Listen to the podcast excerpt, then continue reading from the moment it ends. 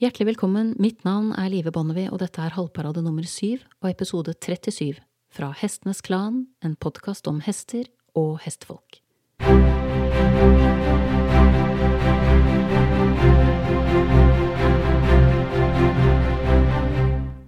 Jeg deltok i helgen på et online dressursymposium arrangert av Dave Tind, som jeg intervjuet i fjorårets siste podkast, der vi også la ved et bonussegment med en innføring i Feldenkreis-metoden.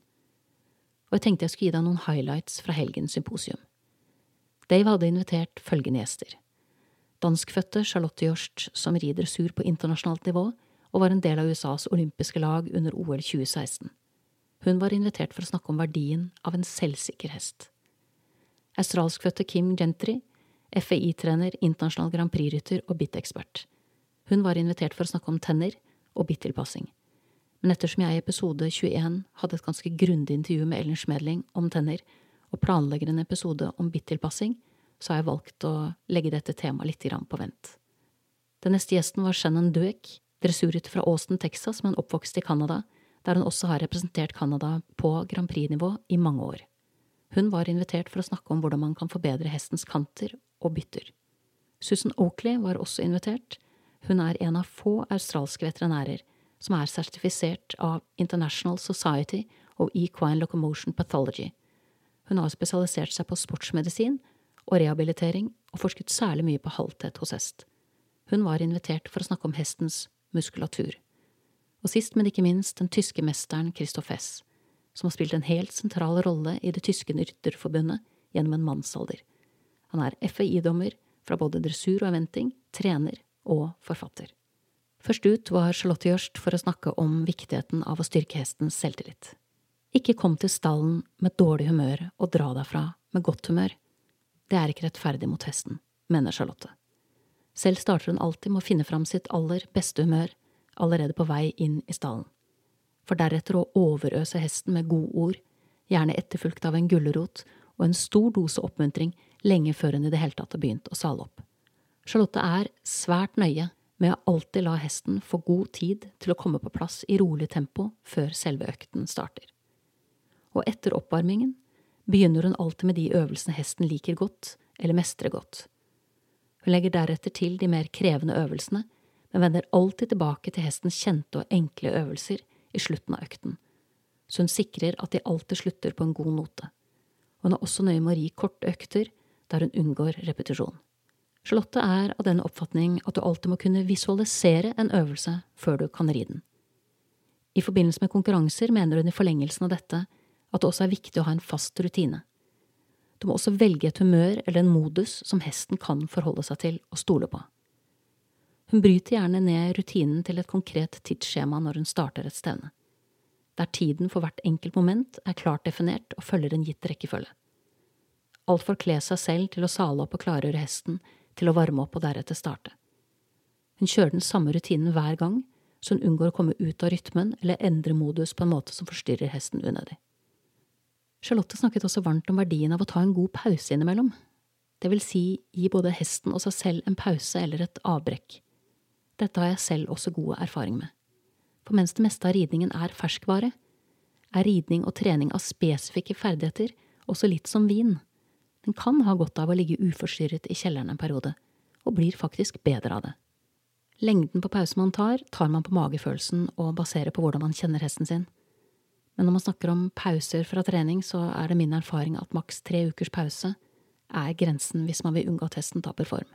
Og da snakker jeg ikke om du lærer hesten en ny øvelse, og så har den tre ukers pause hver gang, men at det kan være variabelt hvor lang pause du ønsker å gi hesten, litt avhengig av hva slags treningsmengde og belastninger og utfordringer den har hatt. Videre er målet til slottet alltid å jobbe med hesten, og aldri, aldri mot. Neste gjest ut var Shannon Dueck. Hun skulle snakke om hvordan man kan forbedre hestens kanter og bytter. Shannon betrakter interessant nok ikke bare hestens galopp, men også hestens kanter som en firtaktig gangart fordi hun interessant nok regner svevet som den fjerde takten.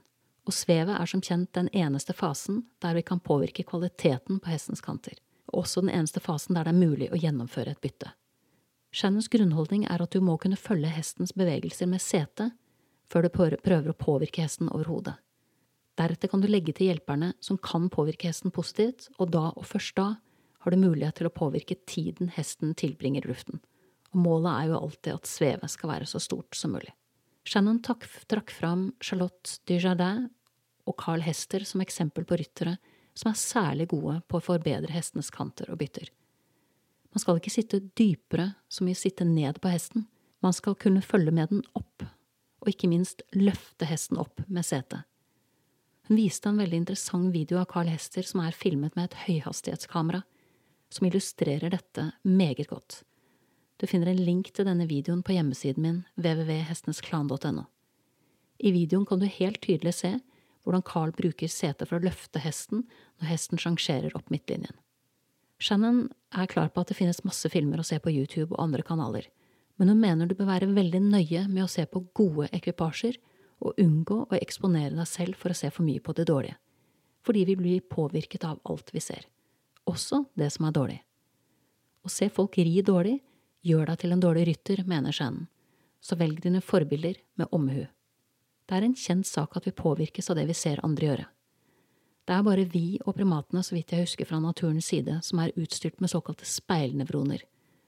Det innebærer at hvis du og jeg sitter overfor hverandre og du drikker et glass melk, mens jeg sitter urørlig og ser på, så vil hjerneaktiviteten vår like fullt være lik. Det vil si at hvis man ser på utslaget av hjerneaktiviteten alene, så er det umulig å si sikkert hvem av oss to som drakk. For den hjernen som ikke gjorde det, speilet det som ble gjort av den hjernen som satt inne i skallen på den som drakk. Det er bare en kuriositet, men virker relevant i forhold til at vi faktisk er flinke til å kopiere det vi ser andre gjøre, og sånn sett understreker det absolutt med full tyngde hvor viktig det er å se på folk som er gode til å ri, hvis man selv vil bli god til å ri. Chen bruker mye overganger for å øke hestens framad, og hun anbefaler å starte med små overganger og øke etter hvert. Hennes erfaring er at mange stenger ned hestens bevegelser når de kommer opp på Grand Prix-nivå, men en virkelig god kanter har balanse og ikke minst størrelse. Den skal ikke være liten og bundet, og bytter skal alltid komme fra setet, aldri, aldri fra tøylen. Den neste gjesten, Susan Oakley, var invitert for å snakke om muskler og bevegelse. Hun startet med å fortelle at vi skiller mellom stabilitetsmuskler, som er bygget opp av såkalte type 1-fibre, altså muskelfibre som er utholdende, men ikke klarer å utvikle så stor kraft. Disse musklene er typisk små og er plassert nære ledd. Og så har vi muskler med type 2-fiber, det vil si gjerne større muskler som har et stort potensial for kraftutvikling, men ikke er særlig utholdende. Susan er opptatt av hestens muskelminne. Halthet, sa Susan, er endret bevegelsesmønster som et resultat av smerte, jf. episode 29, der Ellen Schmedling snakket om viktigheten av å følge nøye med på alle endringer i hestens kropp, så understreket også Susan viktigheten av at hestens kropp er symmetrisk, ettersom asymmetri gjerne er uttrykk for at hesten har et eller annet problem. Susan er derfor veldig nøye med å mønstre hestene med tanke på muskelatrofier og for å plukke opp tråden fra episode 27, som het Helt gresk, der jeg tok for meg hvordan gresk og latin utgjør ryggraden i veterinærenes fagspråk. A betyr kort og godt nektende, og trofi kommer fra trofe, som betyr næring.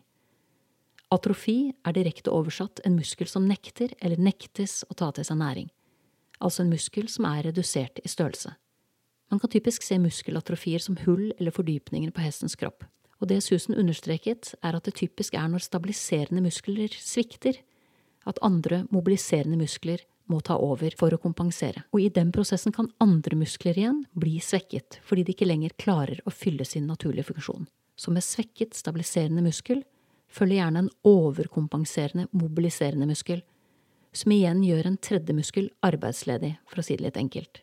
Muskelatrofi kan også oppstå i kjølvannet av trykkskader etter for eksempel feiltilpassede saler, noe jeg dessverre ofte har sett blant rideskolehester som har hatt en lang og tro tjeneste med uerfarne ryttere på ryggen i kombinasjon med en litt for dårlig tilpasset sal. På bakgrunn av verdien til velfungerende stabiliserende muskler var Susan en særlig sterk talskvinne for bruk av stabiliseringspadder, altså padder som hesten kan stå på. Dette minner litt om balanseputer vi selv bruker i forbindelse med trening, men de må selvsagt være tilpasset hestens vekt.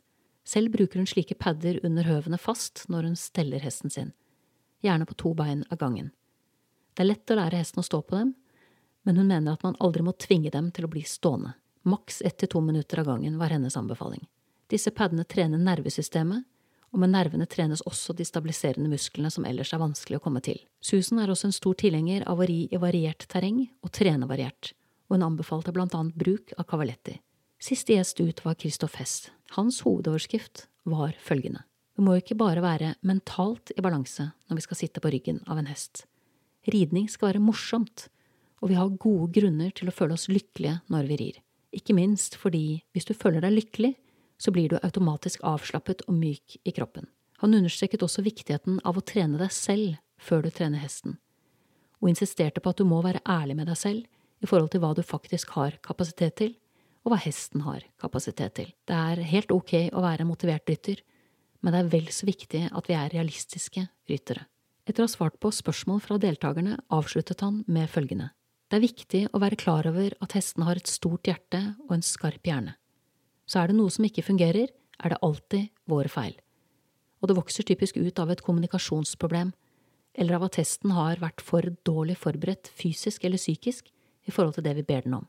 Vi må alltid se på hva vi kan gjøre bedre. Legg merke til at de beste rytterne i verden er de som elsker hestene sine høyt. Du har nettopp hørt episode 37 og halvparade nummer 7 fra Hestenes Klan, en podkast om hester og hestefolk. Takk til min faste komponist Fredrik Blom, takk til Dave Tind for nok et interessant online-arrangement, og sist, men ikke minst, takk til deg, kjære lytter, for tålmodigheten. Måtte hesten for alltid være med deg.